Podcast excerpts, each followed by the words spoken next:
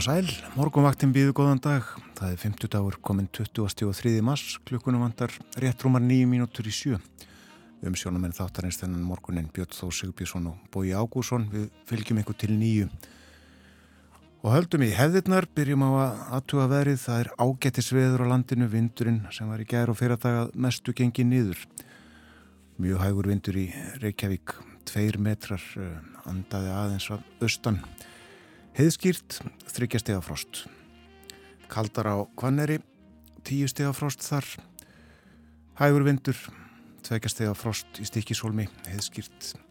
Og tveggjastega frost bæði á Patræsfyrði og í Bólingavík, 8 á 11 metrar á sekundu þar. Tveggjastega frost á Holmavík, 6 stega frost á Blönduósi. Þryggjastega frost við Söðunarsvita, 11 metrar austanátt. Tveggjastega frost á Akureyri þryggjastega frost á Húsavík, tveggjastega frost á Rauvarhöfn, líka tveggjastega frost á Skeltingstöðum 10 metrar þar, þryggjastega frost á Eilstöðum, snjó, jél klukkan 6 og uh, norðan fjórir, einstigs frost á höfni Hortnafyrði, tveggjastega frost á Kvískerjum 11 metrar, fimmstega frost á Kirkibæðaklaustri, fjórastega frost í Árnesi 12 metrar þar, En einstiks hitti á Stórhauðaði Vestmanægum og bálkvast þar, austan 33 metrar. Úf.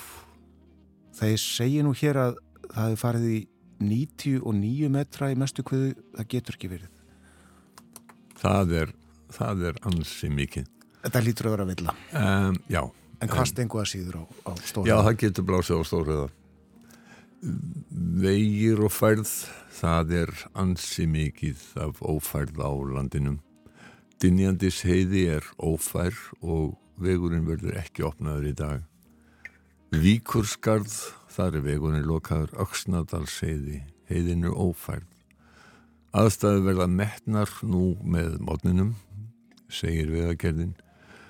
Vopnafjörðar heiði er ófær og þar verða aðstæður aðtóaða sömulegis Möðrudalsöðræfi vegurinn er ófær aðstæður verða aðtóaðar Mývasöðræfi vegurinn er ófær aðstæður verða aðtóaðar með mótninum Fagri dalur á Östurlandi það er búið að opna veginn en þar er snjóþekja og jæljagangur Fáskrúsfjörður vegurinn er lokað til móts við bæinn þar sem að vörubill teppir veg það er unnið að því að losa bílinn. Það verður nú entanlega ekki í lókun sem að verður mjög lengi.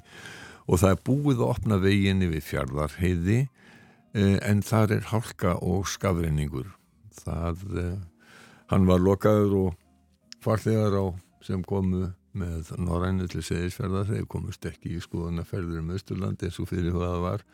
Og sumir þeirra urðu í bísna súrir að eh, því er smyrilæn og talsmenn þeirra sáðu mm.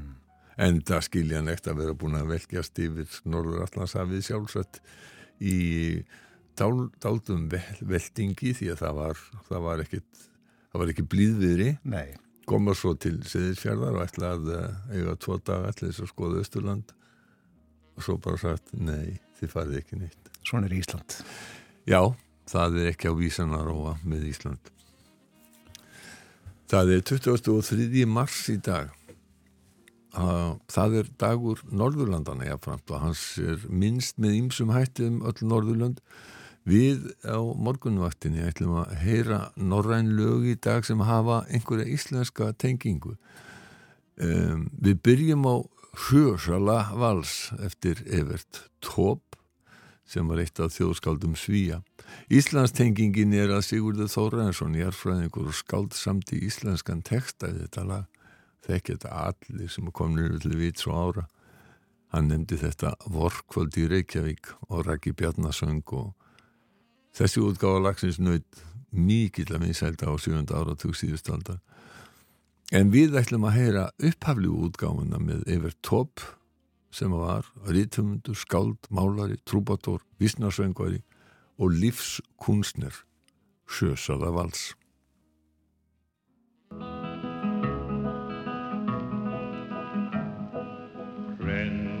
Han skuttar med ett skratt ur sin säng Solen står på Orrberget, sunnan vind brusar. Han valsar över Sjösala äng vackra visa, kom sjung min refräng. Färnan har fått ungar och dyker i min vik Ur alla gröda dungar hörs finkarnas musik. Och se så många blommor som redan slagit ut på ängen. Gullviva, mandelblom, kattfot och blåviol Rönnerdalan virvlar sina lurviga ben under vita skjortan som viftar kring vadorna Lycklig som en lärka ut i majsolens sken. Sjunger han för ekorren som gungar på gren. Kurre, kurre, kurre, nu dansar Rönnedal. Ko-ko, och göken ropar ut i hans gröna dal och se så många blommor som redan slagit ut på ängen. Gullviva, vandelblom, kattfot och blåviol Rännedalen binder utav blommor en krans. Binder den kring håret, det gråa och rufsiga. Valsar in i stugan och har lutan till hands. Väcker frun och barn drill och kadans. Titta, ropar ungarna, pappa är en brud med blomsterkrans i håret och nattskjorta till skruv och se så många blommor som redan slagit ut på ängen. Gullviva, mandelblom, kattfot och blåviol. Rönnerdal är gammal men valsar ändå Ränner har sorger och många bekymmer. Aldrig får han rösta, han får slita för två. Hur han klarar livet kan ingen förstå. Ingen utom pärlan i viken, hon som dök och ekorren och finken. Och vårens första gök och blommorna de blommor som redan slagit ut på ängen Gullviva, mandelblom, kattfot og blóviól Engin esja, agrafjall eða skarseði þessum texta? Nei, en um, Evert Tópp var engum líkur og um, afskaplega skemmtilegur og í miklu uppáhaldi hjá Svíum en þannig að í dag. Sónur hans Sven Bertil Tópp tók við uh, kindlinum af föðu sinum en hann kannski var ekki alveg að byrja sæl en þó fikna við sæl Það líður að fréttum, það er koma á slæginu sjö. Eftir þær fyrir við ítalega yfir dasgrá þáttarins þennan morgunin fylgið okkur endilega inn í daginn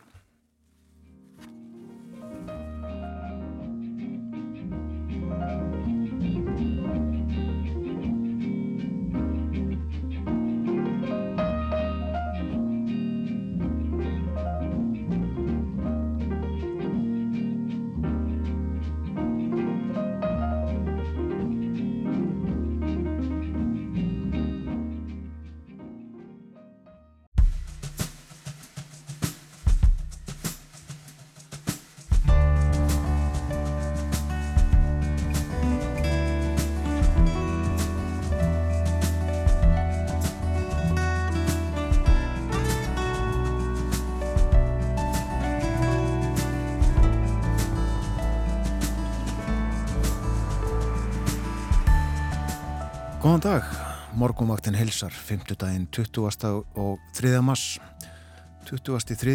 3. 23 í dag. Og uh, dagur Norðurlanda er í dag og þjóðatíðadagur Pakistan. Um sjón með þættinum þennan morgunin hafa Björn Þór Sigbjörnsson og Bói Ágússon.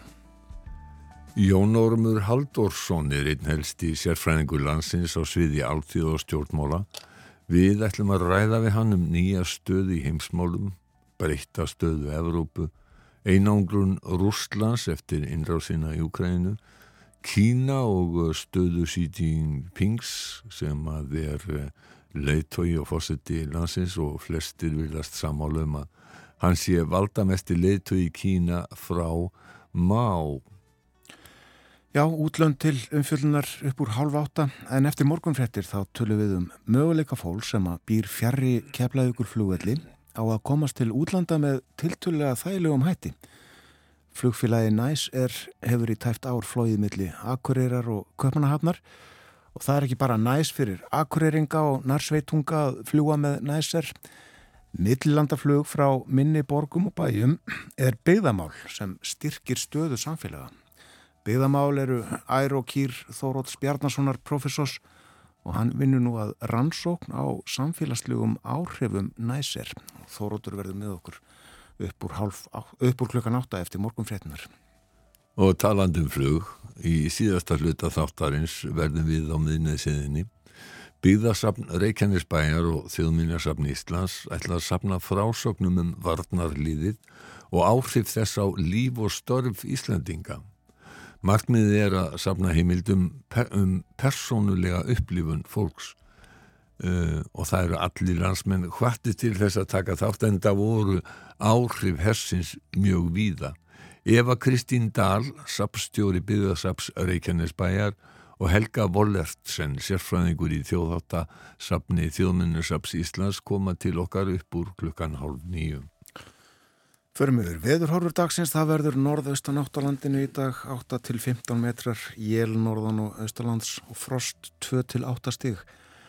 Yfirlegt léttski að sunnan heiða og sumstaðar frostlust þar yfir hátæð yfir hátægin og það verður svipa viður á morgun eins og það verður í dag. Að geta þess líka að uh, það er útlitt fyrir all mikla norðurljósa virkni á landinu í dag og uh, mér sýnist verða heiðskýrt víða í kvöld þannig að um að gera fylgjast með því, horfa til heimins skim eftir norðurljósunum. All mikil virkni í dag já, dáli til á morgun fastu dag og svo talsverða lögadagin Fara eftir fyrirmælum nýdanskrar. Já. Horfið til heimins Akkurat En það er, er ástand á vegu margir vegir lokkaðir, snjóaði nótt. Já, það er dinjandisheiði, vegurinn er ófær og það er snjóþekja á steingrímsfjörðarheiði og þröskuldum, hálka og hálkublettir á nokkurum öðrum leiðum, þæfingur í önundafyrði og ófært norður í Árunesrepp. Á Norðurlandi er það kannski einna helst að frétta að vegurinn yfir Öksnadalseiði er ófærð, ófær en það er unnið að mokstri.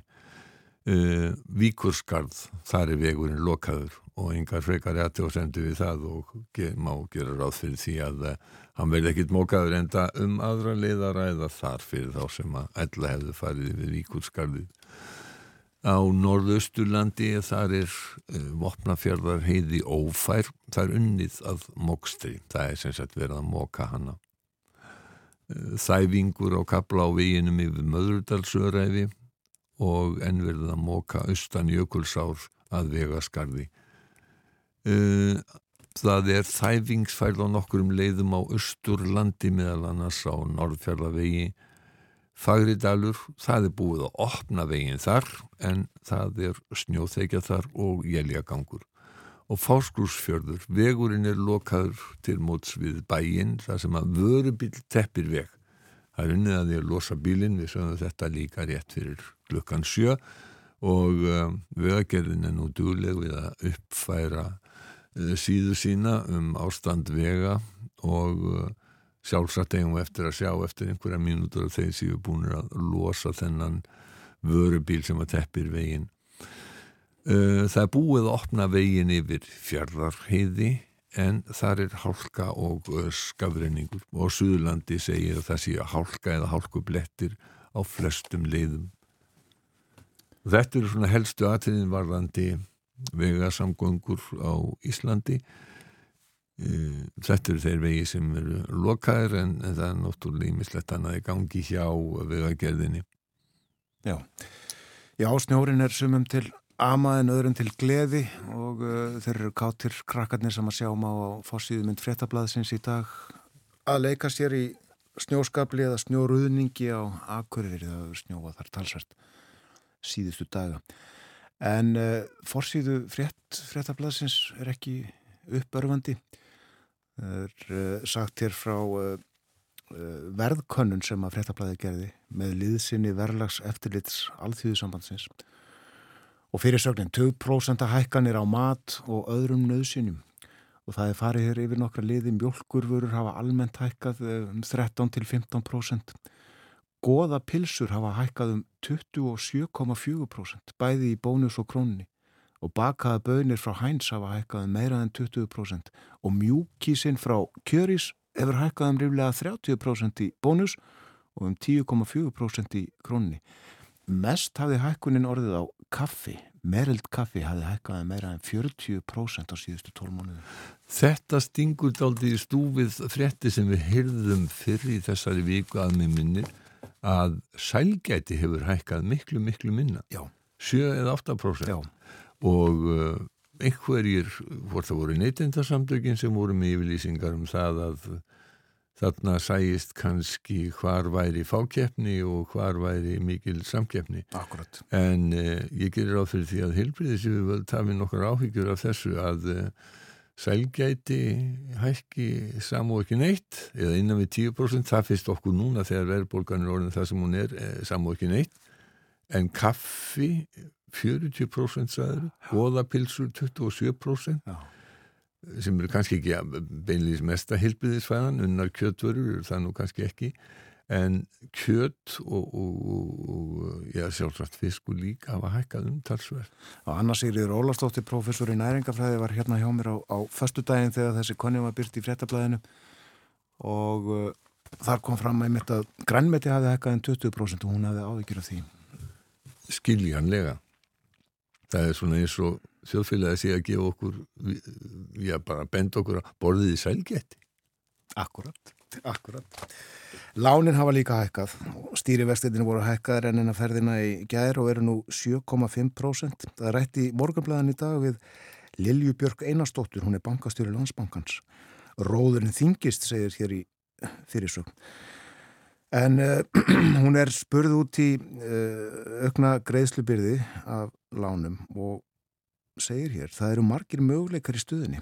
Það er til dæmis hægt að endur fjármagnarlánið og lengja lánstíman til að lækka greiðslur. Og við höfum líka bóðið fólki að skipta yfir í verðtriðu lán eða blöndu af verðtriðu og óverðtriðu og nýta svo færið síðar og fara aftur í óverðtrikt þegar vextir lækka. Og uh, svo var hjá okkur Viljáma Bjarnason fyrirverandi alþingismæður fyrir viku síðan sem að benti á það að uh, innistæðu þeirra sem að eiga krónuð að tværa banka, þær rýrna þetta, þó að vextirnins í orðin þetta háir. Þannig þetta eru vond tíðindi, verðbólgan er vond tíðindi fyrir alla. Meira af uh, hækkunum, erstu tilbúin. Lampakjött hefur hækkað mikið í verðinda að fara í missari. Já, Innflutningshömlum hefur verið kentum. Innflutningur á nautakjötti hefur hins vegar aldrei verið meiri sem hefur ekki skilað sér í verð lækkunum. Sagt frá þessu í bændablaðinu í dag. Og farið yfir þetta ítalega á fórsíðu með uh, grafi þar sem að sjá má verðfróunina. mm.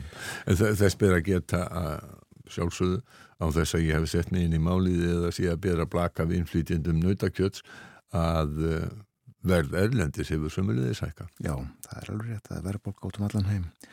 Það er líka í bændablaðinu í dag mm, viðtal við Egil Gunnarsson, hann er bústjóri Kvannerar fjósins og hann er gæjalegur hér á fórsíðinu með kúrikahatt og í kúrikastígulum sem að uh, eru er hæfi. svona með í fána litum bandariska fánas og uh, hann segir hann segir skilja vel hvernig landslýstþjálfurum í íþróttum líður í sínum störfum en það hafa kvanneringar og bændur oft mikla skoðanir á hans störfum Já.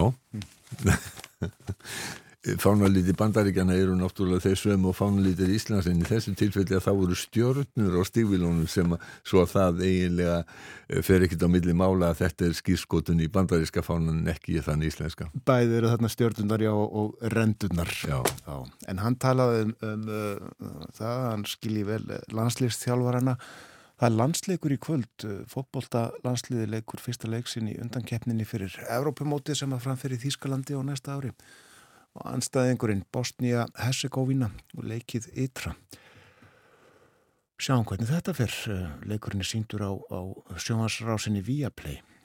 Við heyrðum í sjónvarsfjöldum í Íþróttum í gæri í Sali heimi Porsa sem er frá Bosni en búin að búa á Íslandi í 30 ár og uh, leik með mörgum íslenskum liðum hann var nú ekki þýfgáður um það hvort hann heldi með Bosníu eða Íslandi í leiknum en hann benti á að þetta bosníska lið er fyrrnastert Já.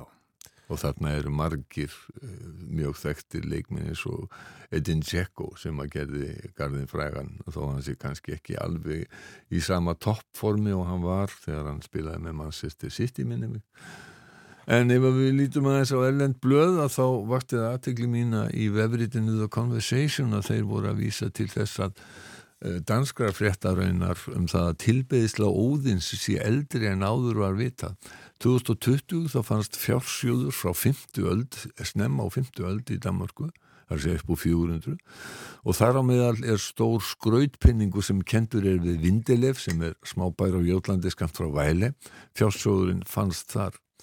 Eh, það voru tveir gamli vínir sem fóru út og svona amatör uh, forlegafræðingar sem fóru út með svona málmleitartæki í desember 2020 og þar fundu þeir hennan mikla fjársjóð.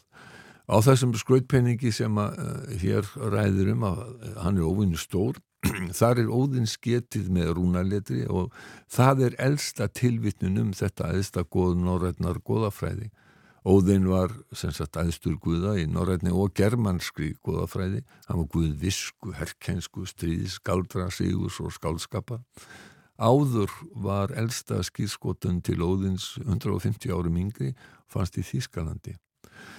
Og síðan í Danmörku elsta uh, uh, já, skýrskotun eða, eða nafn, það sem að nafn Óðins var ritað var frá uh, upp úr 700 Uh, og svona rétt áðurinn að vikingatíminn hefst og uh, þar uh, var nafnóðins rist í hauskúpu. En þetta eru ekki alveg splungun í að fréttir. Við ætlum að fréttum fjölmeila dagsins og í breskutblöðin í dag fara mýkinnum Boris Johnson fyrirvændi fósættis á þeirra Breitlandsi sem sæði á fundi þingnemdar í gæra allar samkomur í dáningstræti tíu í hörðum samkomutakmörkunum í COVID-farsóttinni hefðu verið nöðsynlegar og hann hefði ekki skrökvað að þinginu eða tala gegn betri vitun þegar hann fullirti á þingfundum að engar COVID-reglur um samkomutakmarkan hefðu verið brotnar í veisluhaldum í, í dáningstræti tíu Nú eins og við má búast að þá skiptist afstæða bladana dálítið eftir politískri afstöðu þeirra. Uh, Hæri blöðin, Daily Telegraph, Daily Express þau hampa sínum uh, manni. Daily Mail segir að Boris hafi verið fímur eins og köttur. Harriet Harman, þingmaður verkamarflokksin sem er í nefndinu sem yfirhiði Johnson hefði verið eins og þrjumu skí á svipin skrifa mail. Guardian segir svo að Johnsons hafi verið léttvæk önnur blöð uh, og segja að hann berjast fyrir politísku lífi sinu. Daily Star trúir Boris Johnson varlega byrtir myndavonum með ógnarlangt gósanef klættan í bleikan íþróttagalla eins og Vicky Pollard í Little Britain, mannst eftir Little Britain? Ég mann vel eftir Little Britain. Matt Lucas leik Vicky Pollard og fyrirsögnin er eitt af því sem að Vicky Pollard sæði mjög gætnan yeah but no but, yeah but no but, yeah but no but, yeah. Hlustundir geta séð þessa mynd á Facebook síðan minni ef þeir hafa áhuga á því. að uh, skoða þetta. Fósættisáðunum þeir eru undir dregin þetta sundur og saman í háði. Hann gerir það, Deilistar er nú kannski ekki alveg alvarlegasta blaði sem að gefið út í Breitlandi og, og fer oft svona, já, skulum segja já, sannleikunni kannski ekki alltaf það sem að er í fyrirrumi hafa skar það sem betur hljómar gæti stundum verið um, motto þess blas nú Norska sjónvarpi síndi í gerðkvöld um fjöllunum samfélagsmiðlinn TikTok og þetta er í príðilum norskum þætti í NRK sem heitir Urix. Um, nokkur ríki hafa þegar bannað notkun TikTok á snjáltækjum hins og ofinbera þar meðal bandaríkin Kanada, Nýjasjóland, Breitland, Sænska sjónvarpi og fleiri hafa bannað frettamönnum að, að nota að hafa TikTok á, á vinnusímum eða vinnutækjum og uh, við getum séð á, á vefsíðu Rúf núna að fórstjóri TikTok á að fara í yfirheysli bandarískri þingnemnd í dag og hann segir af og frá að kynveskum yfirvöldum byrjast nokkrar upplýsingar um notendur miðilsins. Um, Jerusalem Post fjallar um gríðarlega mótmæli sem eru hafin í Ísrael og eiga að vera í dag og þau eiga að lama þjóðfélagið Á síðastleginn tveimum mánum hefur Ísraels samfélag logað vegna frumvarp stjórnarinnar sem meðal annars hindrar hæstarétt í því að beita neitunarvaldi gegn lögum eða ákvarðunum ríkistjórnarar þings þó þau sé anstuð við stjórnarskrá ríkisins. Anstæðingar lagana þeir fullir að líða þessi hættu. Uh, og aftinpóstin í Nóri hefur eftir Lass Háke Neppe barna og ungmennarsálfræðingi að síðast líðið haust hafi verið engulíkt vegna vandamála sem hafi komið upp í COVID-faraldrinum og þetta er í samræmi með margra aðra rannsóknir meðalans í háskólanum í Reykjavík e, og þessi mál voru eh, rætta á fundi Norræna félags- og helbriðisráþar í Reykjavík í gær þar sem er ljóst að fólk hefur miklar áhyggjur af þessu Við myndumst fyrir fréttir klukkan 7 að í dag 23. mars er dagur Norðurlandana Þennan dag 1962 var Helsingi samningurinn undir í dörrun. Hann er oft kallaður Norræn stjórnarskrá. Hann er lagalegu grundvöldu þess viðtækar samstaf sem að þjóðurnar hafa með sér. Og að því tilefni ætlum við að leika Norræn lög með íslenskri e, tilvísun og núna ætlum við að heyra í dansku söngkonunni Tínu Dikkóf og íslensku manni hennar Helga Hrafni Jónssoni. Lægið heitir Já, það er svo trált, ég hef svo mikið að gera og Helgi í syngu þarna stuttan kapla á íslensku.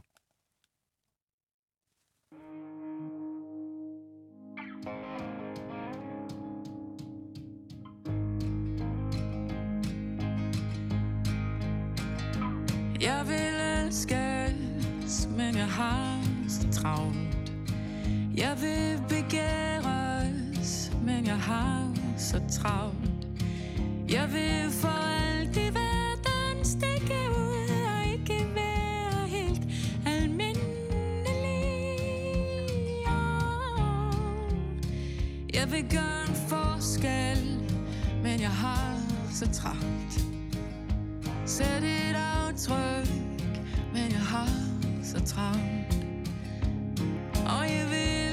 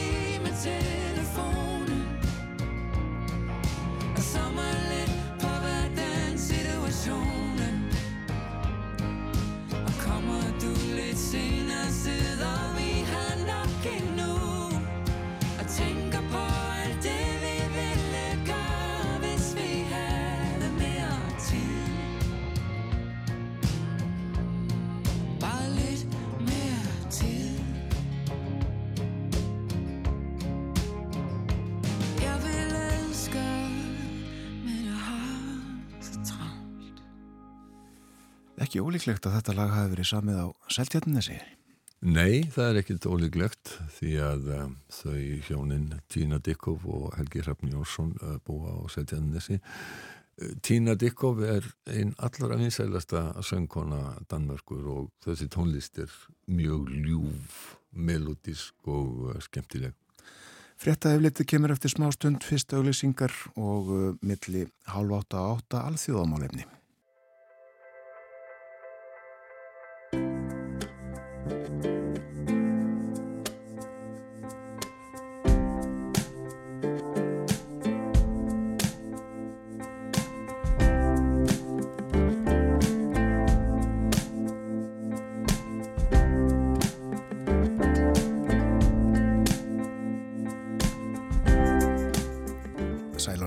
Hlusta á morgunvaktina á Rás 1. Það er 50 dagur í dag, komin 20. og 3. mars. Klukka núna réttliðilega halv 8. Umsjónamenn þáttanins þennan morgunin Björn Þó Sigbjörnsson og Bói Ágússon og við fylgjum ykkur til nýju. Höfum við yfir hugleðingar veðurfræðings. Hann skrifar, nú þegar þetta er skrifað, þá hefur dreyið úr kvössum vindi sem verið hefur viðloðandi síðustu daga.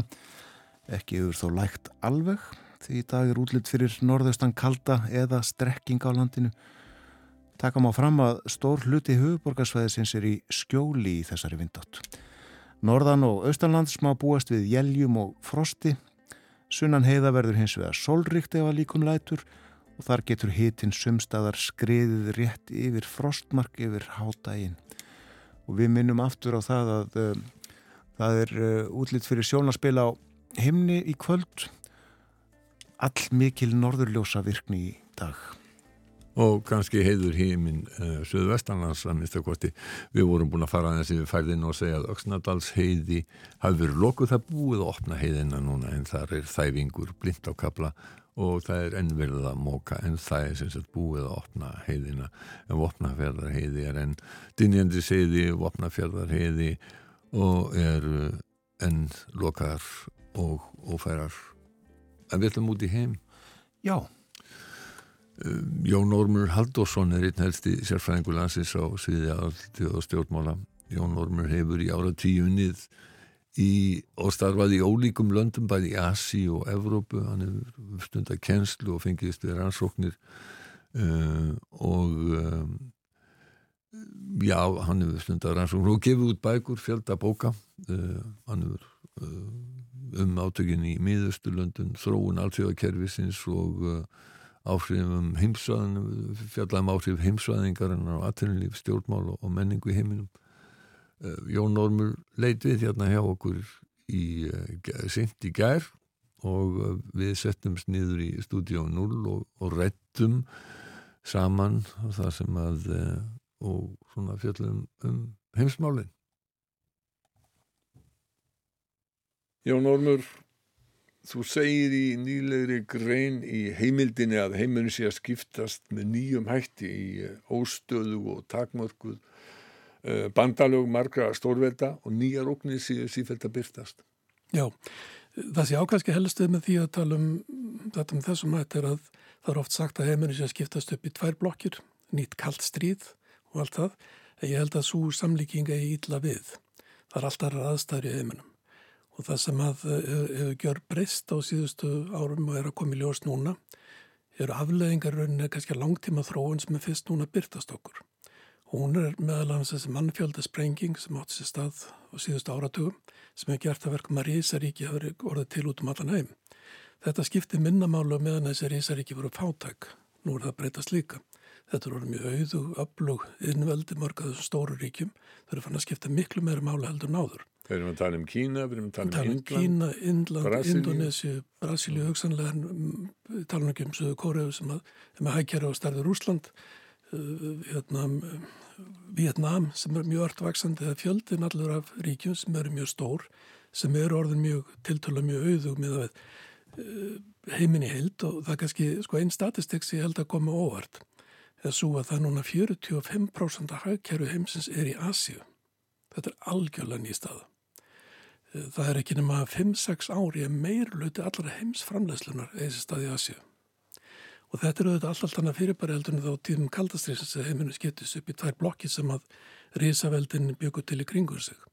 því að hagsmunur þessar ólíku ríkja, ólíku stórvelda sem eru að vera til, eru mjög ólíkir og það er mjög ólíklegt að þau eru látið sapna sér saman í einhvers konar blokkir. Þess vegna verða miklu floknari bandalög til og það bætist náttúrulega við þetta líka það, breyting frá kaldastriðinu, er það að heiminn hefur tengst saman með svo nánum hætti að atvinnlíf á einum stað gengur ekkit upp nema í samskiptum við atvinnlíf annar staðar. Þannig að tengingin er nöðsynlega reyna til þess að atvinnlíf þrýfist og efnaðs, efnaðslífi getur gengið. Og það geraði verkum að hagsmannum að ríkjana allt allt öðruvísi. Miklu mjög floknar heldur noktum að vera áður. Og það þess sér mjög stað núna til dæmis í kringu þessi átök í, í, í Úkræðinu.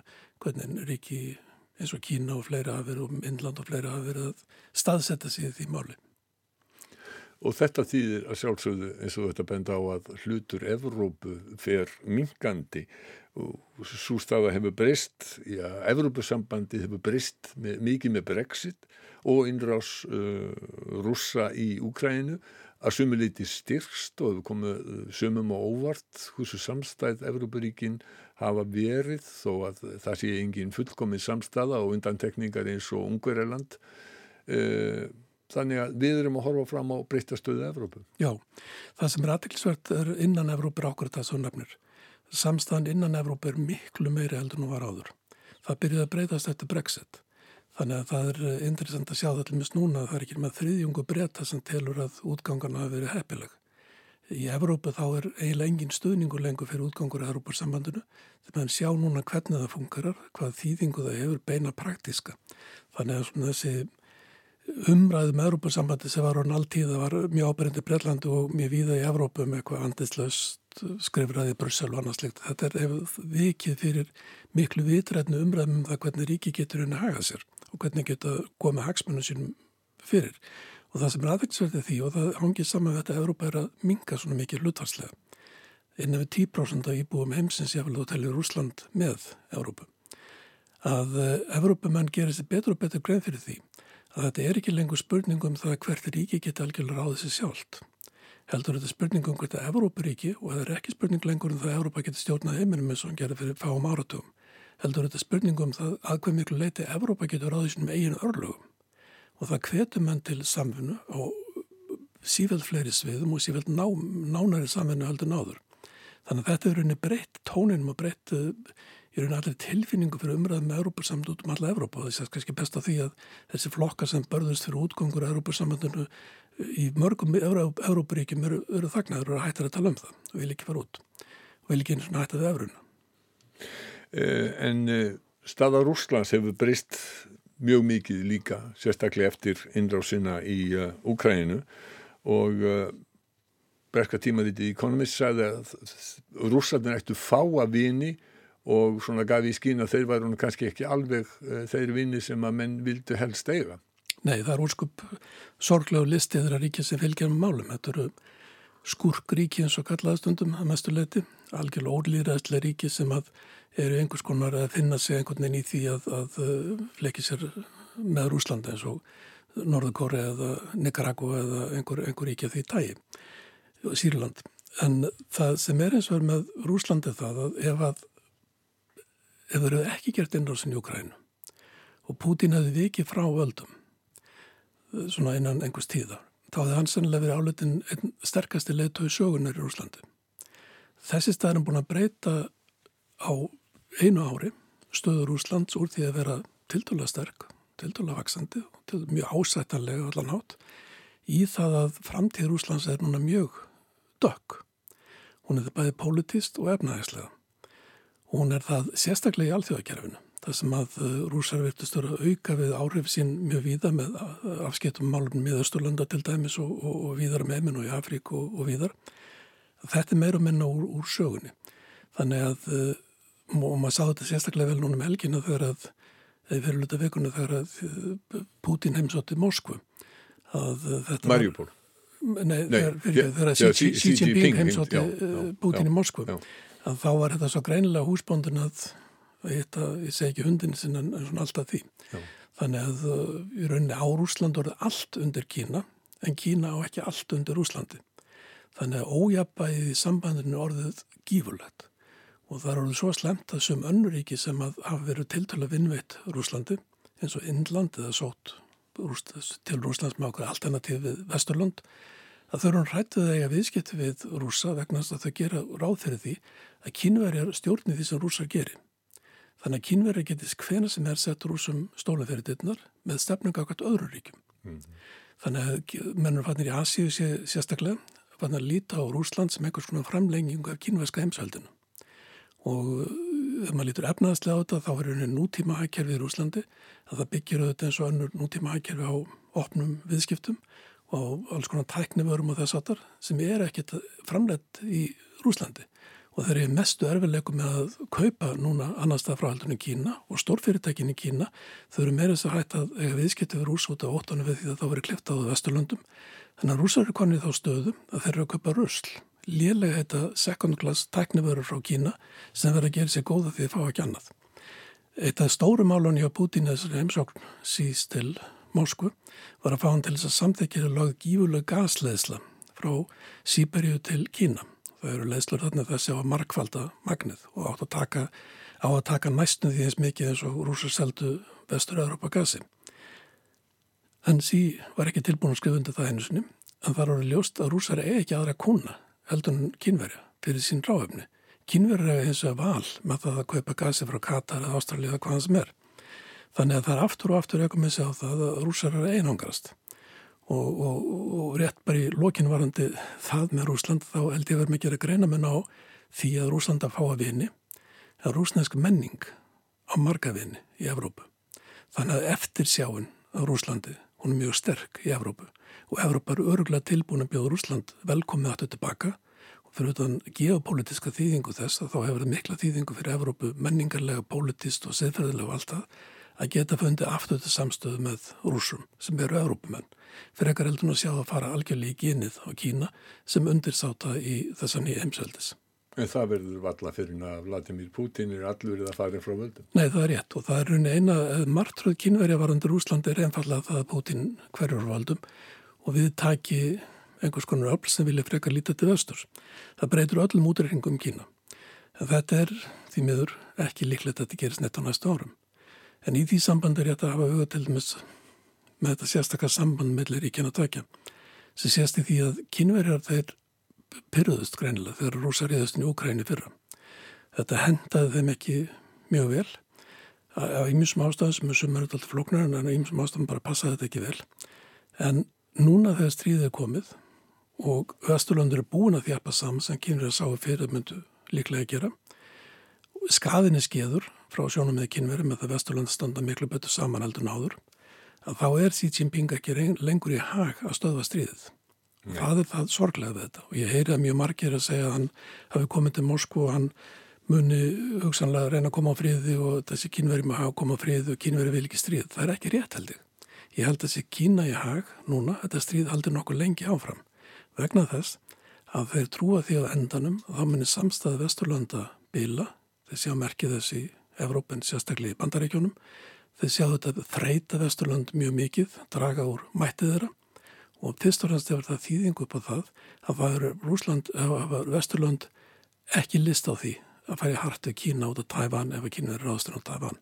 Annað stríð strax og eftir og nú við Kína, það er engi stemming fyrir því. Þetta veit ekki verður og þess vegna vil þeirra stríðið aldrei áfram.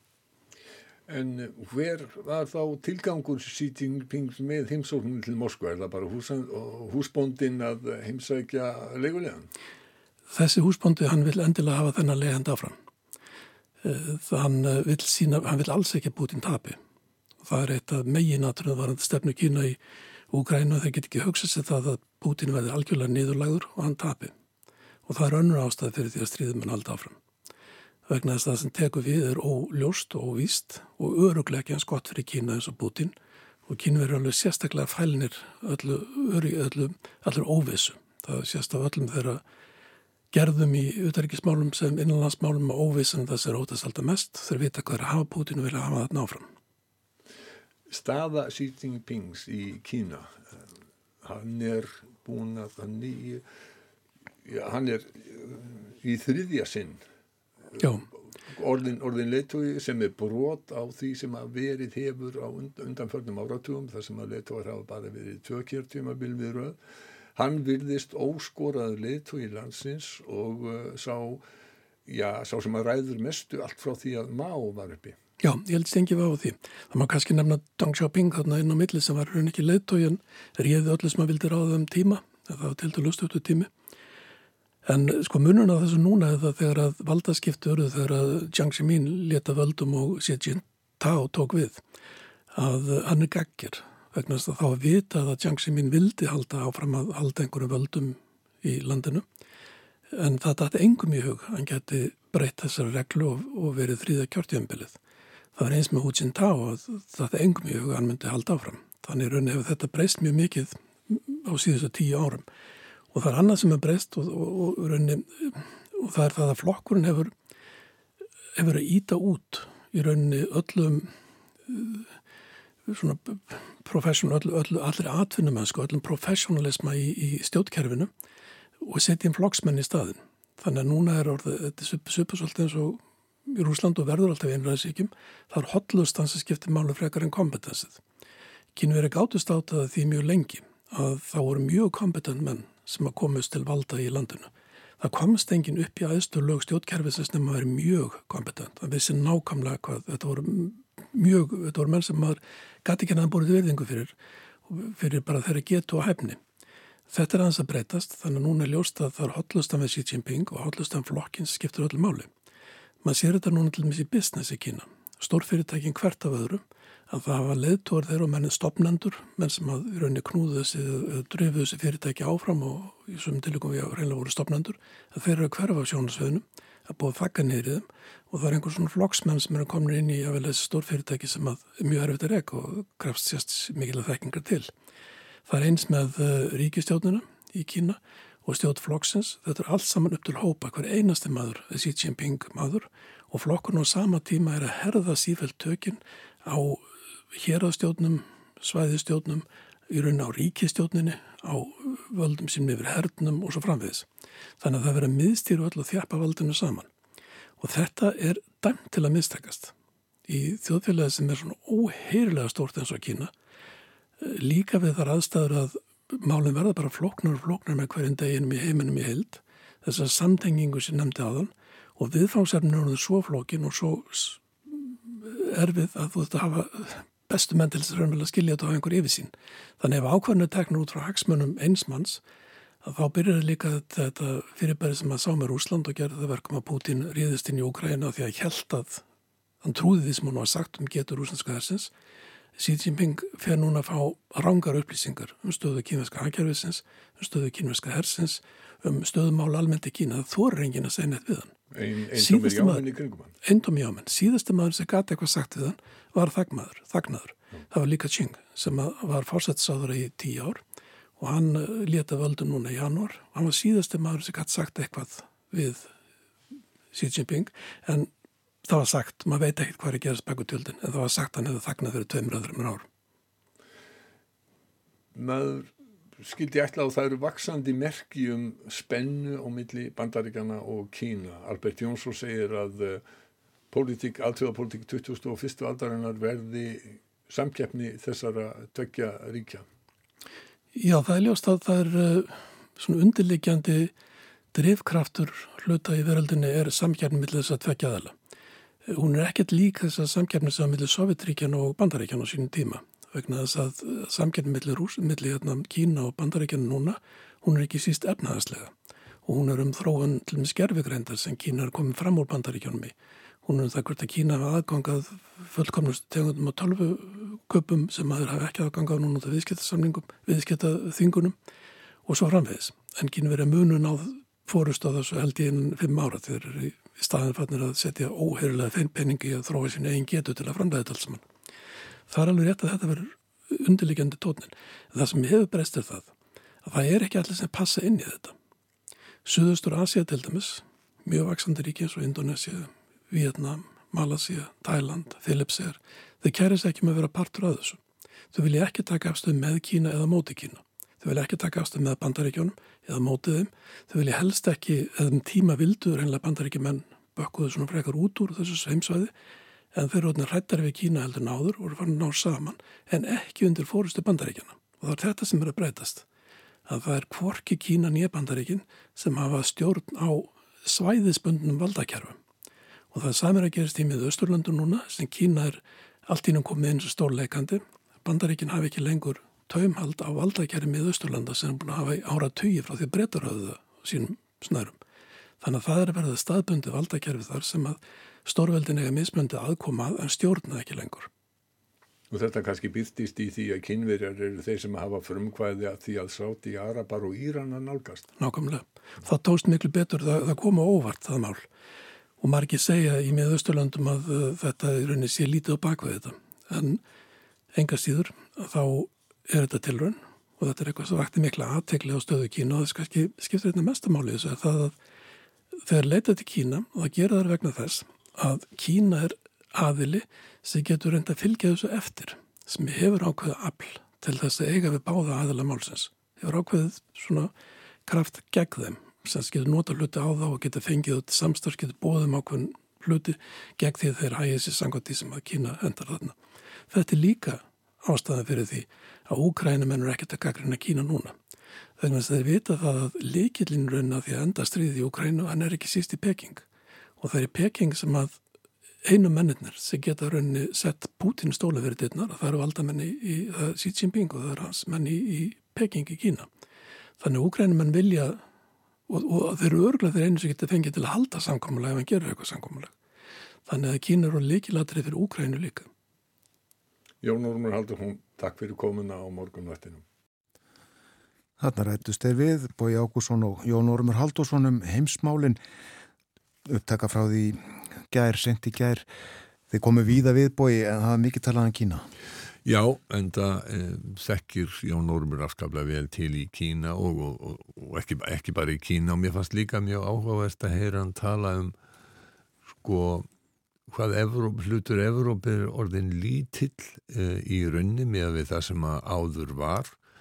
Og uppgang þjóða í Asju við og til dæmis eh, indverjar eru orðnir að öllum líkindum fleiri heldur en kynverjar núna. Og það er mikill efnahagslegur uppgangur uh, á Índlandi uh, Indonesia sömuleiðis og uh, hann nefndi sömuleiðis Vietnám og þetta er ríki sem að í framtíðinni eiga eftir að gera sig gildandi efnahagslegur uppgangur og það má búast við hann var líka að tala um að, að ríkinn þarna vildu í Asíu vildu ekki vera svona beinir þáttakandi vildu ekki skipa sér í líð í þessari tókstreitu bandaríkjana og, og Kína. Eh, en eh, það er alveg ljóst að þegar að líða tekur á þessa öld þá eh, verður miðja heims pólitíkurinnar, getum við sagt, færist í austurátt. Já, Jón Ormur fylgist vel með því sem er sagt og, líka því sem er ekki sagt, uh, sagði að, að ókrænum en þeir gaglina kynveri ekki. Nei, þeir gera það ekki. Uh, það var líka aðteglisvert á sama tíma og Xi Jinping var í Moskvu að þá var fórsættisráð þeirra Japans í Ukraínu. Akkurat. Það er, já, það verður gaman að fylgjast með þessum. Aðeins var minnst á Ungveriland. Eh, Forseti ungverska þingsins er í ofnberi heimsókn á Íslandi og hann heimsækir eh, alþingi í dag. Það sem Birgir Ármarsson, forseti alþingis, mun taka á mótjóðun. Eh, Ungveriland er nú annars ekki í svona miklu uppáhaldi innan Evrópusambansins eða hjá mörgum ríkim vegna, já, ég missi að hluta þar. Akkurat. Það eru frétti framöndan, kom eftir fimm minútur eftir þær verður Þórótur Bjarnason profesor með okkur og uh, svo ætlum við að fjalla um uh, menningu, sögur, tengdar uh, flugullinum á keflaugur uh, á miðnesheiði, herstuðinni. Já, það er komað til okkar uh, tvær konur uh, sérfræðingar í þessu og ræða við okkur.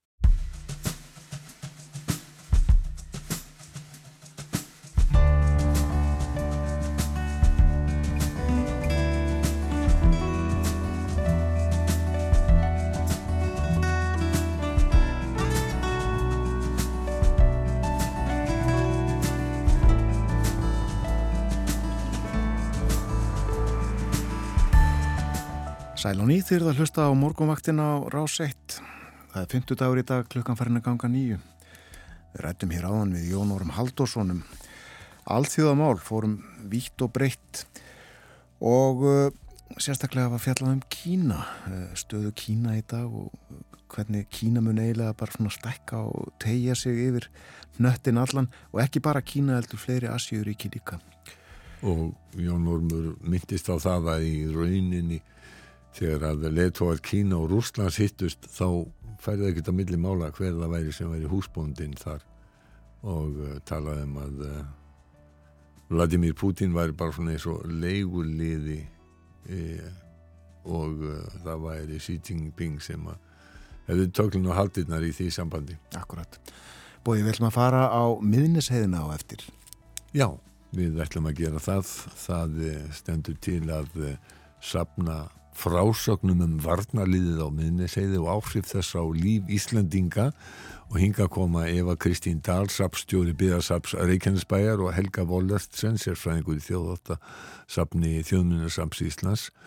Og miðnisheiðin náttúrulega er þar sem að aðal alþjóðaflugullur Íslandinga er og lengi vel eini alþjóðaflugullur Íslandinga það var ekki reglulegt flug annar staða frá heldur en frá Keflavík, aðeins flóið frá Reykjavík til Grænlands og Færiða Færiða flugið hefur nú held ég algjörlega flust til Keflavíkur en þetta er ekki lengur eini alþjóðaflugullurinn. Nei, akkurirflugullur er það núna en uh, þaðan hefur flugfélagið Næs er flóið og hefur gert í tæpa tíu mánuði líklega. Uh, Næs er flýgur millir akkurirar og köpmanahafnar tvísar í viku held ég flýgur líka til Tenerife auðvitað og áformaði tímabundi flug til Alicante og Dusseldorf.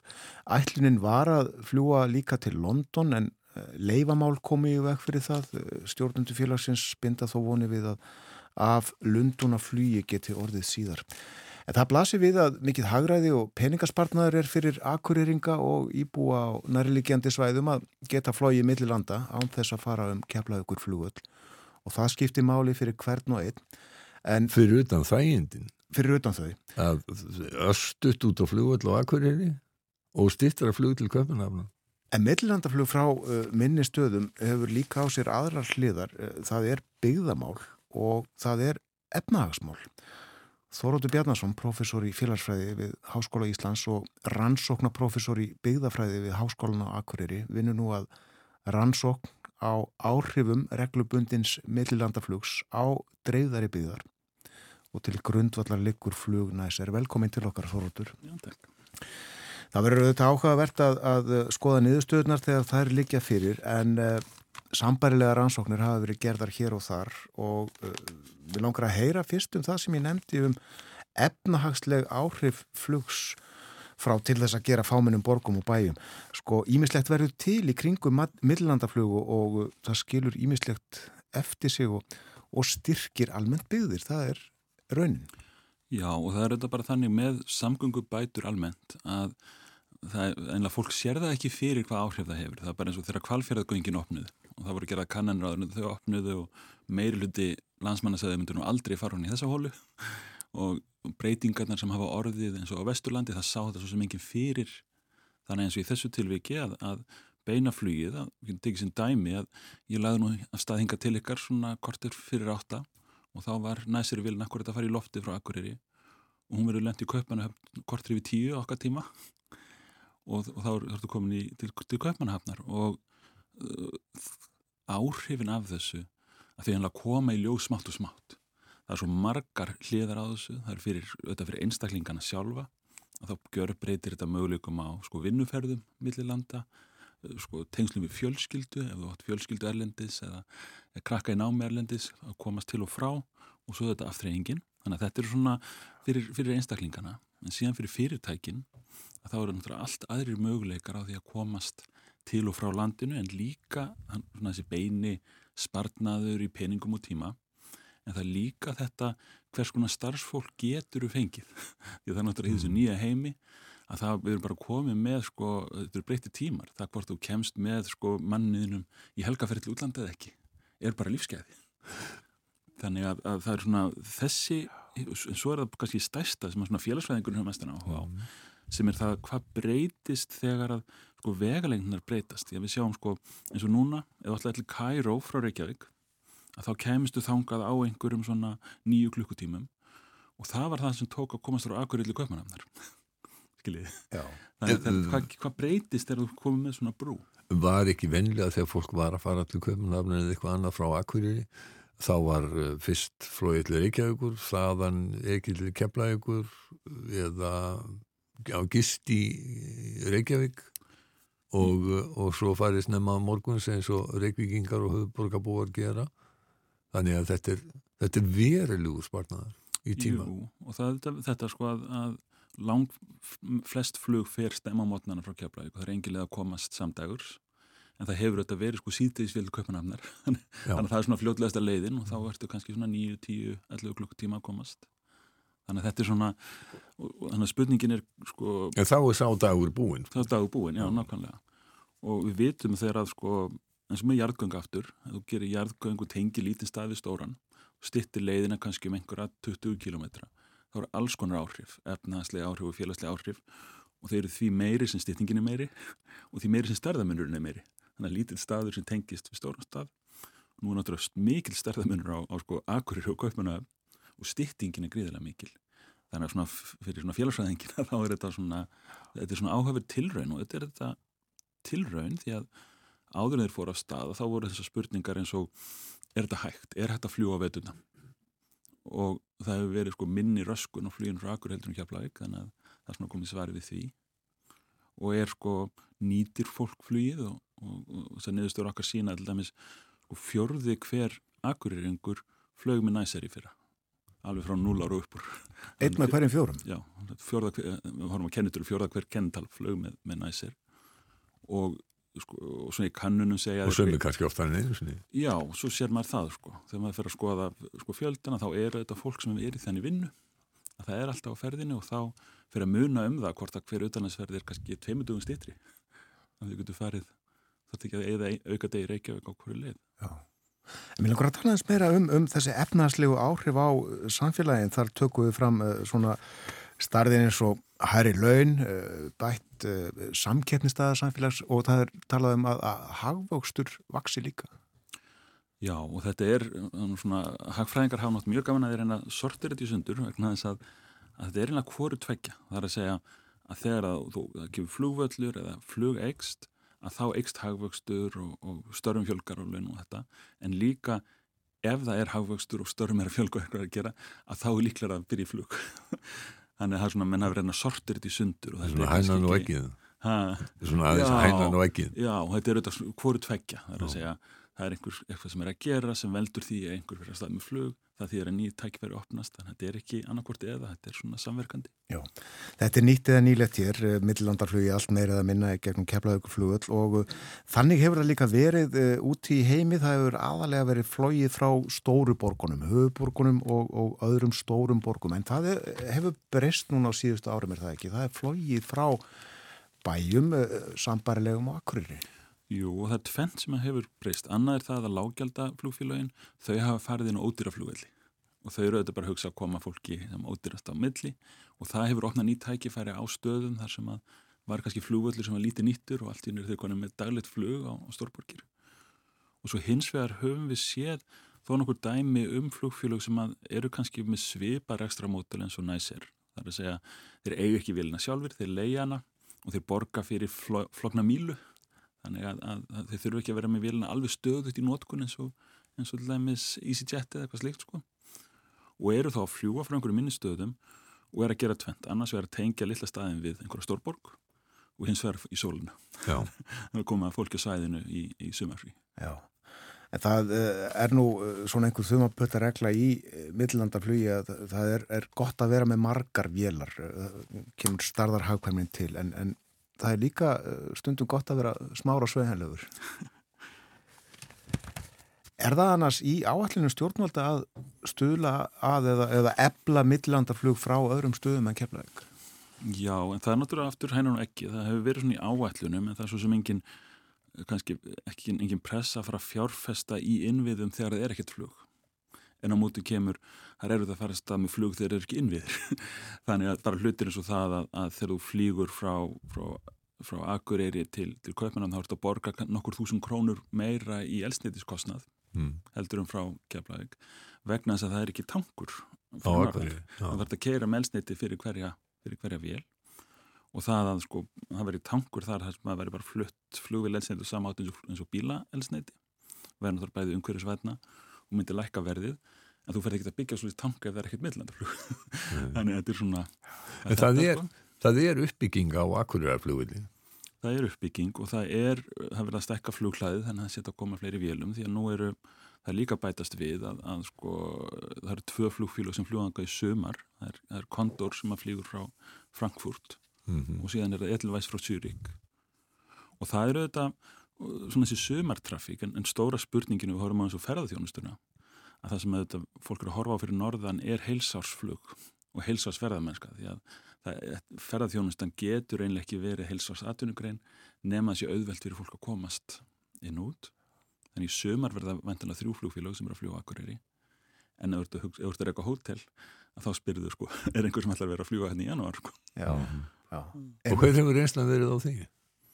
Ekki laung? En... Nei, ekki laung og það er sem sagt, eh, samkvæmt þessum, þessum tölum sem við höfum, höfum verið að vinna með að þá var eins og með næsir, þá var sætanýtingin í kringu 75% fram að, fram að áramótum en nú náttúrulega eru við á þessum tíma þegar flugfélag fara yfir á janúar, februar, mars þegar að, að trafíkin mingar og, og þá er svona spurning hvernig hérna alltaf þessi spurningum að komast inn í sömarið En hvernig er þetta á uh, móti? Eru Danir fjölmennir, koma, koma þeir frá Kaupmannahöfn og, og spóka sig á ákveðri? Já, sko, við höfum aðeins verið að fylgjast með þetta, hef, það hefur verið að aukast og það, þetta varð mikil breyting núna bara í, í þessari viku þegar að, að næsir konstin á skæskanar sem er sem er sem sagt, það þegar þú ferð, ert að leita þér að flugi Já. þá ferðið inn og segir ég þarf að komast frá Berlín til Akureyrar, mm. hvað er óttist á þægilegsta leiðin og þá kemur upp, þú getur flóið með þessu flugfélagi hinga og þessu þangað og þar með er, er sko, erum komin inn í alþjóðlega bókunavélar. Þetta hefur þetta verið bara, ef þú ætlar að fara frá Kaupmannahöfn til, til Akureyri, hvernig myndur þú vita að, að það setja að komast þessa leið, þá ferði gegnum þessar, þessar bókunarsýður. Akkurat, þarf ekki að fara í gegnum áallinir allar flugfélagina til þess að komast að þessu. En hverjar eru, ég, þú ert að segja sko að það þurfa að lífa af vetramániðina, janúar, februar sem eru nú svona ofta erfiðir fyrir flugfélag til þess að komast inn í sumarið eh, en eh, getur þú sagt okkur eitthvað af 75% sko, sætanýting sem að lítur að teljast eh, bísna gott og þið sjáu fram á þetta bara hérna, geti haldið áfram eða hvað í ykkar uh, rannsóknum? Sko það sem við erum að gera í þessari rannsóknum, við erum auðvitað bara fyrst og fremst höfum áhuga á samfélagslegu áhrifan. Þannig að við erum að, að gera hlutin, við erum að, með spurningakannanir meðal farþega, kannanir meðal almennings, að fá upplýsingar og farþegaskráma, það hver búsetin er og, og svo ranvegis. En auðvitað er, er líka áhugavert að horfa á sko, fjármögnun svona fyrirtækis. Það er að segja við erum auðvitað þannig að það kannski lengi verið þannig menna veldi, já, allt sem gerist fyrir norðan hlýtur að vera samherji eða kea. Og, og þetta er ekki þannig, þetta eru sko, fullt af litlum hlutöfum og heldur, einstaklingur sem er stærsta hlutöfin en maður er þetta horfið til þess að sko, uh, OECD hefur verið að, að sko, mörg, mörg, mörg ára pressa á það að menn hætti með niðurgreðslur og fara út í fjárfestingar til þess að skapa forsendur fyrir atvinnuuppbyggingu. Og við heldur ekki séð sko, atvinnu þróuna batteri koma að því að, að sko ebla millandaflög á samhátt eins og þeir myndu með sko sjá, í sjárútvegi eða einhverju slíku. Nei, en er það út í heimi þannig, veistu það, eh, styðja og styrkja stjórnvöld millandaflög? Sko sko millandaflugvellir hafa verið byggður upp gaggjart í þenn tilgangi að, að hafa áhrif á svæðisbunna þróun vegna þess að heimurinn er bara þannig að þetta skiptir svo gríðalög máli og það verða svona, og lengi vel vorum en að byggja upp, ég myndi þess að svona þú byggir bara upp döblin fyrir Írland. Og nú er þetta sko, já, fyrir söður Írland þá flugvöldurinn í Kork, mm. skiptir öllu máli sko, já þá þú komist í lest til Kork á 3-4 tímum að þá er það bara allt annað heldur en þú er með bindflug til London eða bindflug til, til annara landa. Já, Og Írar voru náttúrulega lengi með mikilvægan millirlandaflugvöld á vestur Írlandi en það var kannski meira vegna þess að uh, drægi flugvel á liðin yfir Allandsafið var ekki eins og núna ég er að tala um fyrir áratugum síðan og ég er að tala um flugvellin í Shannon. Já, jú, jú, og það var náttúrulega þannig líka með Keflavík að þetta byggðist þetta, við höfðum alveg ótrúlega mikið millilandaflug frá Keflavík vegna þess að þetta var tengiflugvellur mm. í millilandaflugi og það er ekki fyrir núna þegar ferðarþjónustan er komin á, á svona flegi ferð sem verður farin að fá svona mikið flug sem er bara milli, milli Keflavík og annar landa. Já, Ísafja hefur verið gagveint fyrir að sinna ekki e, akkurirarflugvelli og eilstaðaflugvelli byggja þar ekki upp e, betri flughlöð, e, brautir og flugstöðvar. Jú, þannig að nú er sko á að fara í þessa sko, stóru fjárfestingu í, í Keflavík og hérna einhverjir sko 100 miljard á næstu, næstu áratögum og það þyrsti senna svona hálft prósund af því til þess að, að, að koma á stöðu millandaflugi frá Rauðgurri. Þannig að þetta horfa menna norðan og segja já, efastingir um að kepla ykkur aðal sko en, en, en sko hálft prósund, eitt prósund myndi döga til þess að halda annari gátt opinni. Já, akkurat. Serðu fyrir þeir að, að tengsla akkurirar og, og kaupmanahafnar geti orðið meir en þau hafa verið út af þessu beinaflugi eru þau kannski orðið það? Að fólk verið að tala dönsku og sunnudögum eftir. Aftur, já. Nei, þetta geti ju opnaði það ekki á samstarra háskóla og stopnuna á fyrirtækja og þar jú, jú, og það er nákvæmlega sem gerist eins og með bara aftur eins og með kvalfæðarkvæðingin sko. þegar allt í hún kom með þessa stuttu verið þá veistu ekki hver áhrifin verða þú veist bara að það opnast alveg ótal margir möguleikar já. og þess vegna er þetta svona, þetta er svona innviða fjárfesting frekar heldur en fyrirtækja fjárfesting. Bæta samgöngur uh, eru likill að ímsu, hvort sem það eru veða samgöngur eða fljóksamgöngur. Hvenar líka niðurstöðu fyrir þessari rannsókn? Sko við ætlum að klára þetta verkefni, þetta verkefni, þetta ætlum að taka fram þetta styrt af, Rannsóknarsvíða Háskóla Íslands og Samtöku Sveitafélag Norrnda Eistra og við ætlum að klára þetta um árumótin og þá sjáum við svona fyrsta árið sem, og auðvitað tökum við núna kontor og eitthilvæst þegar þau komið inn í sömur og reyna bara svona glögg okkur á því hver er svona fyrstu áhrifin af þessum breytingum en svo það maður að býða 20 ár til þess að sjá mm. hvað, hvað gerist sko Já. Þetta að kontor og eitthilvæst er að koma þarna inn núna tengist það eitthvað flugi næs er eða voru þetta áform sem að þessi flugfélag hafðu fyrir? Sko það hafa það hafa þetta verið gera tilröðinir áður með beintflug og hérna og ég vissum það að það að næsir reynslar og næsir sínir auðvitað að, að möguleikana sko.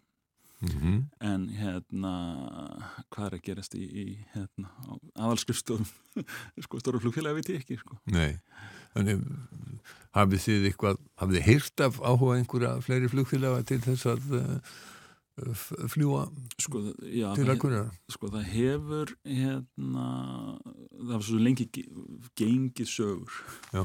af því að það séu hérna sko, EasyJet til dæmis já. hafi áhuga á því að fljúa London Akureyri en hérna hvað er kæft að sögur og hvað ekki maður þetta ekki Þakkaði kellaði fyrir að koma í þáttu til okkar Þóróttu Bjarnason ákveðin bara hér og nú að verður hjá okkur þegar niðurstöðunar líka fyrir. Ég, það er náttúrulega ekki nokkuð spurning.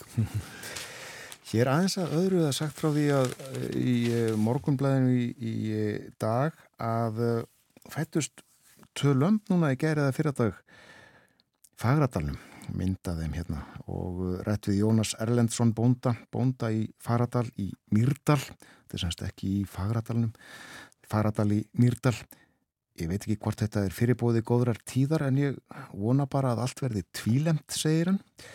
Voruðir óvinnusnefn á ferðinni þetta ár, þetta gerist stundum. Hann segir eh, við vissum að hún ætti að koma núna að því við sáum tilnar í haust. Það var bara þessi einir hútur með henni svo það fór ekkert milli mála hver fadir lampana er. Það voru frjálsar ástir þarna í túninu hjá þenni höst Það er engin fadirnismál sem að fara þarna í gang. Þetta En býtu, var þetta í Myrdalnum? Í, í Myrdalnum, já, já og, og, og, og þau tala um að voru síðan að koma óvinnus nema þar. Það... Að þessu letinu til. Já, ég ætla að segja það. Það hefur nú ekki hýtast í það hefur nú ekki á undafölnu bent til þess að voru síðan handan við hodnið. En vorverkin hafinn. Vorverkin. Sinna lömbunum. Já. Svo er hér uh, eh, atvinnauðlusing í bændablaðinu vantar duglegan og geð góðan starfskraft við komandi söðburði vor sem byrjar 10. mæ æskilegt að hafa þokkalega söngrött. Við tökum lægið við og við. Já, að syngja fyrir uh, lömpin eða syngja fyrir ernar eða, já.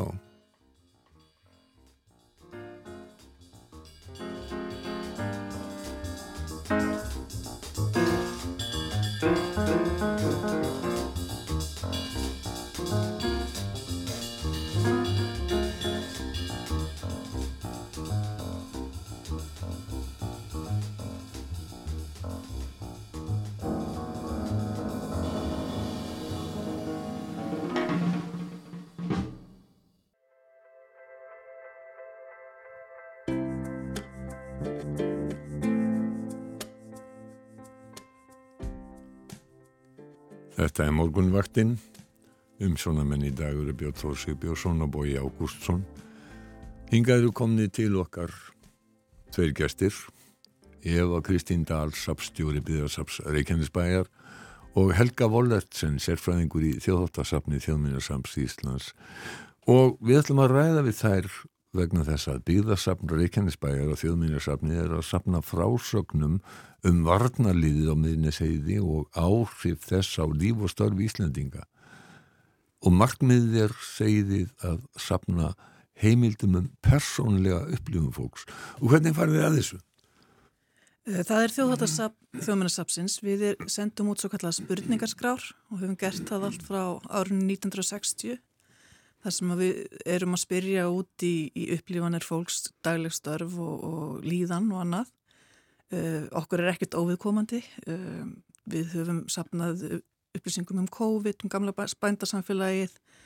Uh, núna þetta í Norðurlanda er verðt að nefna. Við erum með spurningaskrá í gangi sem er að sapna viðhóri fólks til Norðurlandana og Norrans samstarfs. Og reynslu fólks að því? Og reynslu fólks að því, akkurat. Og, og það sem að gerir okkar söfnun áhugaverða er þegar við fáum sögur frá fólki sem að þykjast ekkert vita, heldur sig ekkert vita. Að það kemur alltaf í ljósa, það veit mikið meira og hefur mikið meira að segja um hlutinu og miklu meiri skoðun á hlutunum heldur en það kannski gerir sig grein fyrir. Og það er svolítið það sem við erum að leita líka í þessari skrá. Einmitt og við kynntum verkefnið á sapnahelginni sem var á Suðunessum núna síðustu helgi og þá rettum við svolítið við gæsti og gangandi. Og það kom nú oftar en ekki ljós að fólk sem taldi sig hafa enga þekkingu eða tengingu við herin. Það luma nú oftar en ekki á alls konar sögum. Það hafa allir skoðun á veru hersins hérna á Íslandi. Það hafa allir heyrt einhverjar sögur og við erum einmitt líka reyna samla svona flökkusögum. Eitthvað sem heyrðist að hafi gæst í kringum völlin, kringum herin, eitthvað, einhverjar vörur hafi hérna, smóið út fyrir og svo les. Mm, það voru marga sögur og miklar um það. Ef að ég ætlaði að taka þátt í þessu og segja frá því að ég hef einhvern tíman hýtt einhvern herrmann eða eitthvað hvernig á fólk að bera sig að? Það fer inn á, á menningarsvölega gagnavefin uh, sarpur.is og velur það þjóðhætti og það er hægt að svara öllum skránum. Þetta er svona fjóra skrár sem við sendum út, uh, stuttar hverjum sig. Fyrsta er um menninguna og menningar áhrif að veru hersins hér á landi það er náttúrulega kanna útvarpið og sjónvarpið og ímislegt annað matartengt og, og fleira. Svo er það vinnan á vellinum, þeir sem að unnu þar og hafa reynslu að því.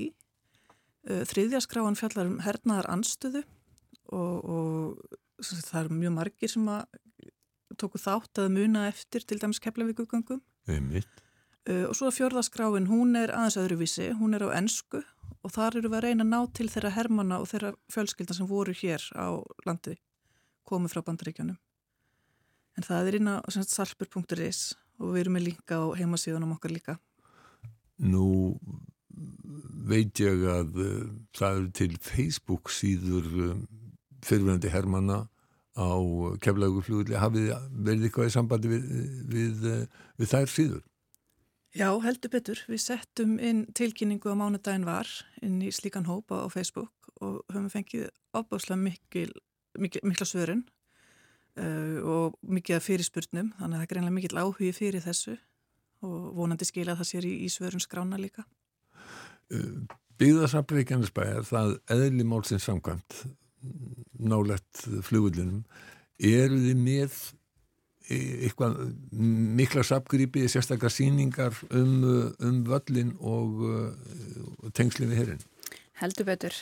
Það var farið í, í hérna, sérstaka söpnun á varnarliðsminjum fyrir nokkrum árum.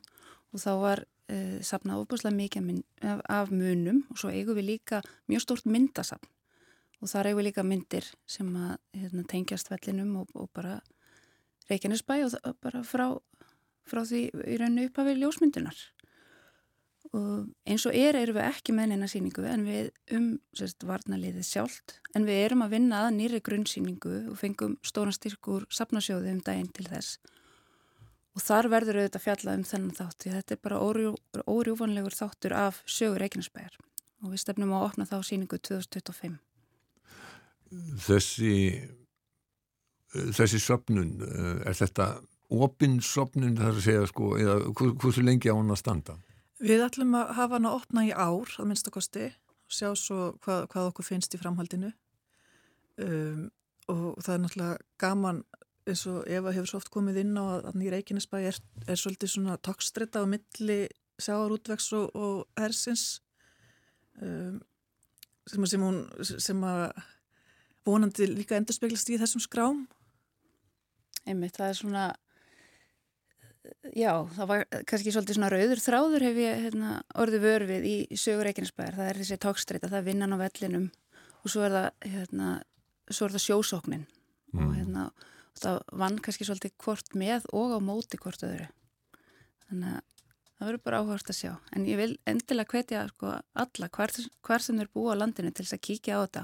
Því að þetta er ekki bara eitthvað suðunesimönnum þetta er fyrir alla landsmenn út af því eins og ég sagði á þann það hafa allir áhuga skoðun á þessu. Og svo var hérinn að sjálfsögðu með starfsemi víðarinn á keflauguflugulli, það voru ratarstöðvar eh, fyrir vestan og, og eh, á norðausturlandi, var ekki á Langanessi, mm. þannig að e, þið eru líka leitt eftir sögum það. Endilega.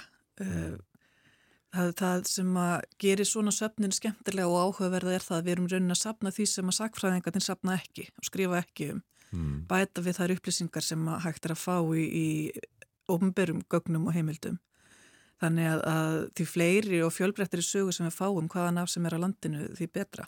Og þetta getur orðið heimildi fyrir sakfræðinga? Þetta getur orðið heimildi fyrir sakfræðinga og það er nú, vonin er svo að, að hægt sé að nýta þetta þannig. Emi, þetta verður örgla fjársáskista framtíðarinnar. Hvernig hefur gengið í þegar þið hafi verið að sapna sögum á, á sama hátt? Misvel, uh, en ég held að metið okkar sé mm. COVID-spurningarskráin sem að fóru loftið 2020 mm. þá hafði fólk ekkert annað að gera en að vera heima og svara. Og það eru yfir 600 svör sem að bárust þar. Mm. um, við sláum síðan svörin inn á sarp þannig að það er líka hægt að skoða það sem að fólk hefur sagt. Já, ég ætla einmitt að segja sko hvar getur fólk síðan, Já. eða sagfæðingar framtíðan nálgast þessar, þessi svör og þessar upplýsingar? Við, þetta er allt inn á sarpi. Um, og, og við, við reynum eftir fengum að koma þessu jafnóðum út og, og í loftið. Uh, en, en Og skrifar fólkin eh, eða ringiði til fólks hafið... þetta, er aðalega, fólk, þetta er aðalega skriflegt. Fólk sendir uh, í, mist, í tölupústi eða svara spurningsskráni beint. Uh, það er hægt að fylla inn í reyti þarna. Já.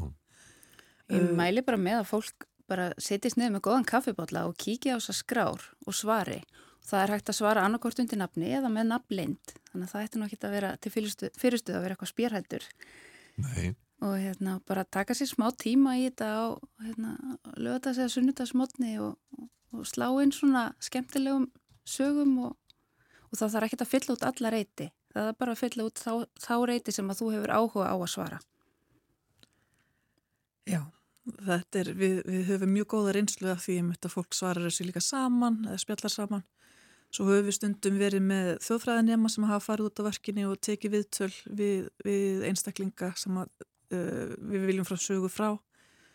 Gerum það með, með norrannuskrána sem mm. ég nefndi hérna í morgun. Já. Já, Já. Svo líka einmitt eins og Helga sagði mig frá um daginn að mjög góð hugmynd að fara í heimsók til ömmu og afa og, og draga upp eina svona skrá, ná ég henni í sarp og bara svona spjalla um þetta. Já.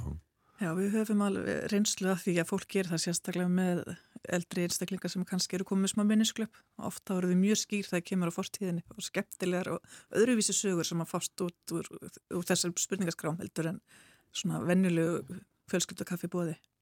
En þú varst að segja ef að það hefðu verið svona ákveðin tókstrita á milli útgerðar og varnarliðsins og sko, maður getur ímyndað sér, já útgerðin kannski, hún er ekki jafnstór partur í, í, á, á suðunni sem eða í, í Keflavík og, og Reykjanesbæ núna og hún var. En eh, maður getur ímyndað sér að eh, herin hafi verið eiginlega allt um líkjandi á þessu svæði. Nú vitum við það að völlurinn og starfsemi á Keflavík og flúvilli er eh, já, er það ekki langstæsti vinnuveitandin á, á, á suðunni sem er við allavega með þeim, allavega, með, með þeim stærri og uh, þannig að þetta, þetta er svona rísi í uh, efnahagslífinu þarna fyrir sunnan. Já, en samt sem áður var náttúrulega gerðingin. Já. Þannig að þetta var líka mjög aðskilið og hafði kannski ekkit já, þannig áhrif á daglegt líf fyrir utan þeir, hjá þeim sem að unnu upp á velli.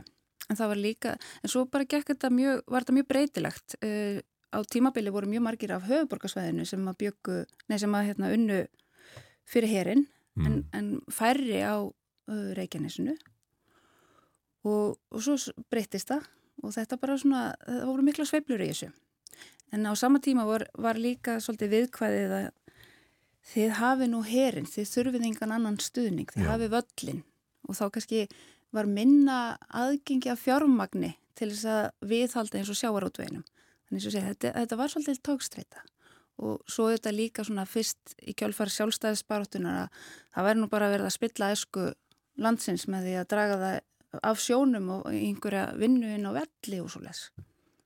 En menningarlegu áhrifin hljóta hafa verið gríðarlega mikið líka svo að uh, hérna, kannarútvarpið eins og kalla hýrðist í Reykjavík og setna kannarsjónvarpið að þá einhvern hlutavegna það er talað um keflaug sem býtlabæin þann eru hljómar og, og þaðan eh, já það getum við sagt að svona ákveðin liti er, er uppspretta býtlatónlistar á, á, á Íslandi og þó að býtlaði verið nú enskinin ekki amerískir og þá, þá heyrðist þetta allt í, eh, í útvarpi varnalissins sem ekki heyrðist jafn mikið í ríkisútvarpinu. Einmitt.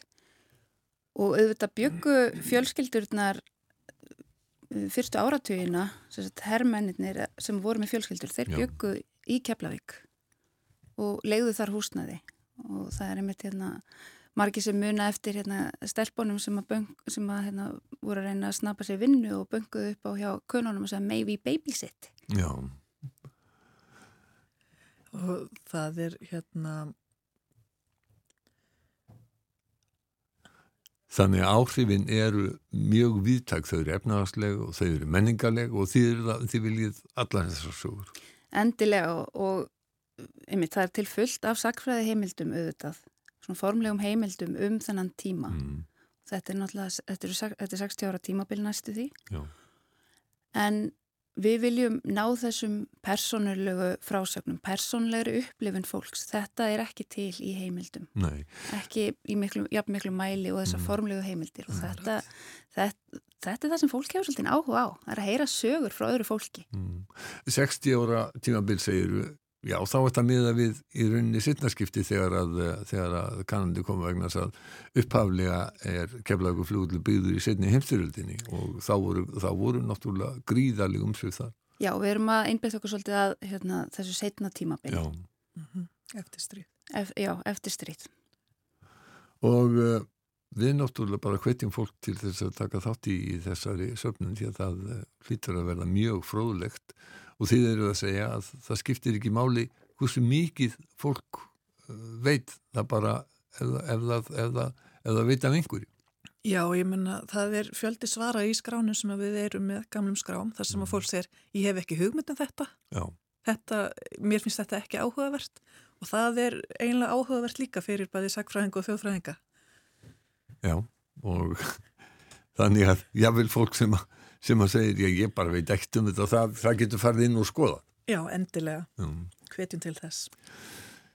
Eh, Helga Bóletsen og Eva Kristín Dahl, kæra þakkir fyrir komuna á morgunvaktina. Við vorum að vísa til þess að keflauguflugullur, hann er síðan 1942, 43, eitthvað svo leiðis, byggður af bandaríkjamönnum eins og uh, Reykjavíkuflugullur er byggður af uh, breska hernámsliðinu í setni hinsturvöldinni og uh, var og er aðal samgöngu tæki Íslandinga þýleitinu til að þetta er millinandaflugurinn þó að eins og við heyrðum hér fyrir klukkan hálf nýju að uh, þá er uh, flug, núna regulett flug til, til Akureyra en keflauguflugullur á sagt, rætur sínir að reykja til setni heimstyrjardarinnar þar sem að voru gríðarleg umsvið mikið af flugulum sem að bandaríkjaman voru að flytja yfir til Evrópu, sprengjuflugular sem að flugu til eh, loftárosa á Þískaland þær höfðu mjög margar viðkomi í Keflavík á leiðsynni frá Bandaríkjónum og til Breitlands það má líka minna á það að uh, hér varð mjög alvarlegt flugslis 1943 minni mig þegar að Frank M. Þá yfir hersöðningi Bandaríkja hers í Evrópu fórst á samt uh, allri áhöfn sprengjuflugulega sem voru leðin til bandaríkjana þá uh, Hortstöf héttun og Frank Andrews þessi var uh, hefði hugsanlega tekið við yfir herstjórninni í innrásinni í Normandi en það eftir að hann lesta þá var dvæt nokkur Eisenhower fenginn í það starf Á þessum tímum að þá var einn allra vinsælasta stórsveit bandaríkjana Glenn Miller ennis orkestra. Á örstuttum tíma frá 1939 til 1942 þá kom hver smellurinn á fætur öðrum frá sveitinni. A String of Pearls, Pennsylvania 65000, When You Wish Upon a Star, King Porter Stomp, Little Brown Jug, Chattanooga Choo Choo, American Patrol Don't Sit Under the Apple Tree with Anyone Else But Me Moonlight Serenade Tuxedo Junction svo að nokkuð síðan nefnd. Glenn Miller vildi þjóna landi sinni í styrjöldinni þó hann væri orðin 38 ára gammal og ekki með góða sjón. Hann baði um yngvöngu í bandaríska flotan en hún var hafnað hérinn tók honum hins vegar opnum örmum og hann var gerður að höfusmann í flughernum Army Air Corps. Og þetta var aðurinn að bandaríski flugurinn var stopnaður sem sjálfstæði deild, herrafnars var deild í innan hersins. Og þarna stopnaði Glenn Miller sangkalla stórsveit, rúmlega 50 manns sem var sendt til Englands. Og það spilaði sveitinn fyrir heimamenn og bandaríska hermenn og kom mikið fram í BBC útvarpinu það var náinn samvinna við breyta og næsti yfirmaður Millers var David nokkur Niven undir ofust í breska hernum Niven var heimsþektur kvikmyndalegar en hafði sagt skilið við Hollywood þegar að stríðið hóst og gengið aftur í herin enda mentaðu líðsfóningi frá Sandhurst herskólanum í Breitlandi. Eftir innrásina í Normandi í 1944 vildu Miller og Niven flytja aðsetur hljónsveitar Millers yfir til Fraklands. Niven fyrirskipaði Miller að fara á undan sveitinni til að sinna nöðsynlegu myndirbúningi en það gekk illa að fá fari yfir Ermarsundið Því tótaga í röð var hægt við flugvegna veðurs.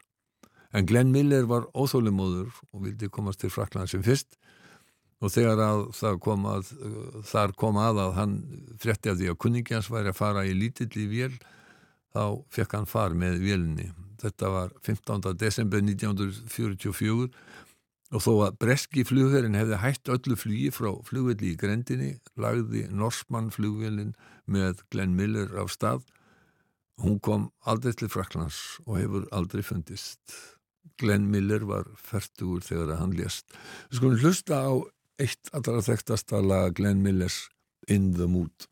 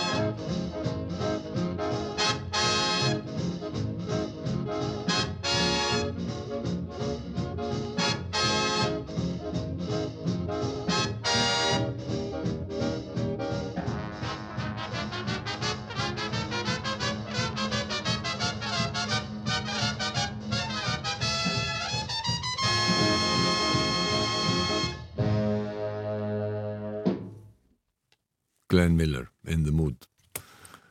Uh, einhverju hluta vegna þá tengi maður Glenn Miller og stórsveit hans gjarnan við uh, bandaríska herin og setni hinsturjöldina bandaríski herin flutti þessa tónlist út með sér. Hún var gríðarlega vinsæl uh, allstaðar og Keflavík var já, hinn mikla tenging Íslands við umheiminn þá og nú og uppbyggt af bandaríska hernum og kannski ekki úr vegi björnað minnast þá á eitt þekktasta keflingingin núlífandi. Já, það er eh, Magnús Kjartansson sem að í gerð var heiðraður fyrir framlagsitt til tónlistarinnar heiðusverlun þegar íslensku tónlistaverlunin voru veitt í gerð.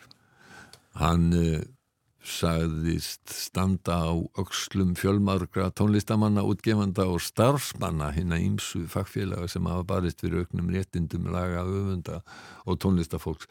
Magnús hefur verið mjög framarlega í, eh, já, svona, hann var formaður stefs og, og tónskálda og textahöfunda og uh, að hann þakkaði líka fjölskyldu sinni fyrir stuðningin Eh, ég vil nota tækifærið, sagðan, og þakka fjölskyldu minni fyrir að hafa umborið mig alla þennan tíma og dansað með mér stundum. Já, Magnús Kjartansson, einstaklega skemmtilegu maður. Já, hann er það og öll svo tónlist sem hann hefur samið og flutt og uh, við sem þjóðstöndum í þakkarsköldu hann og aðra keflinginga sem hafa verið framalega í íslensku tónlist á undanföldum áratugum. En klukkan er alveg að verða nýju og komið að lokum morgumvaktarinnar í dag eh, við. Eh, Björn Þó Sigbjörnsson og Bói Ágússon hefum settið hér síðan snemma í morgun og þátturinn verður á sínum stað í fyrramóli. Bjóðum góðan dag þegar klukkunum vantar tíminn til í sjö. Þökkum samfélgina í dag. Verðið sæl. sæl.